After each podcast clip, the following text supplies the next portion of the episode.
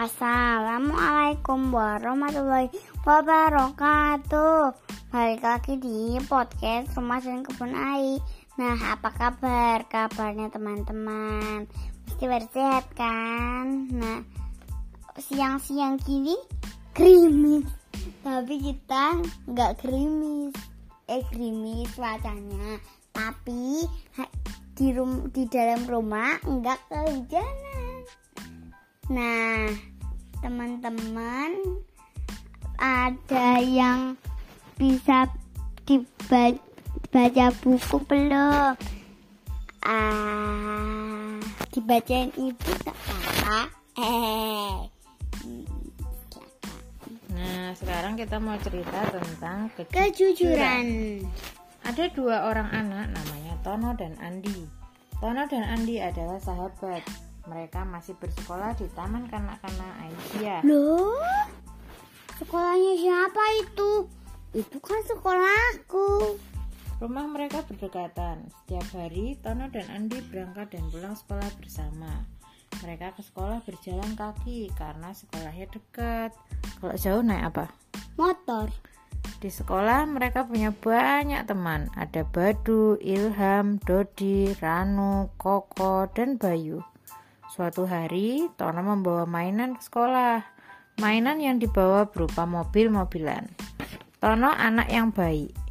Ia mengajak teman-temannya bermain mobil-mobilan miliknya pada saat istirahat.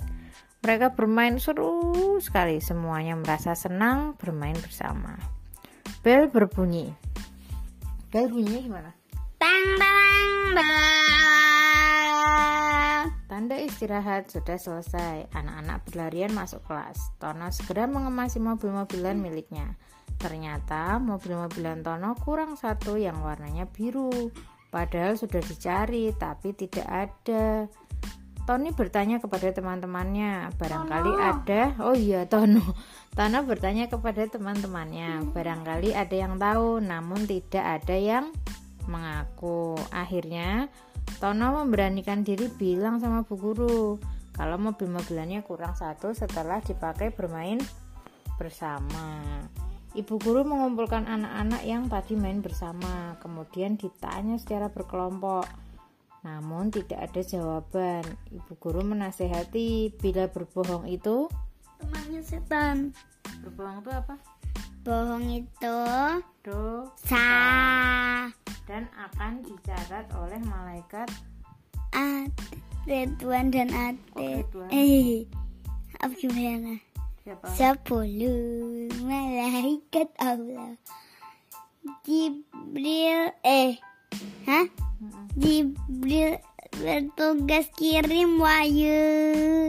Mikail pembagi rizki. Israfil peniup sangkakala. Israel pencabut nyawa. Munkar dan nakir tanyai di kubur. Rokib dan ate pencatat amal. Ridwan penjaga pintu surga. Malik penjaga neraka. Sepuluh malaikat Allah. Jadi siapa yang mencatat? Hmm, gak tahu, lupa. Malaikat siapa? Rokib dan Adet. lebih baik bilang kalau mau meminjam sesuatu dan mengembalikannya besok hari. Ibu guru menanyakan sekali lagi, apakah ada yang mengambil mobil-mobilannya Tono? Akhirnya, Bayu mengangkat tangannya dan mengaku bahwa ia telah mengambilnya. Karena Bayu pengen sekali mobil-mobilan seperti itu. Mau pinjam, takut tidak boleh. Tono pun akhirnya mengizinkan Bayu meminjamkan mobilnya dua hari dan mengembalikannya setelah dua hari.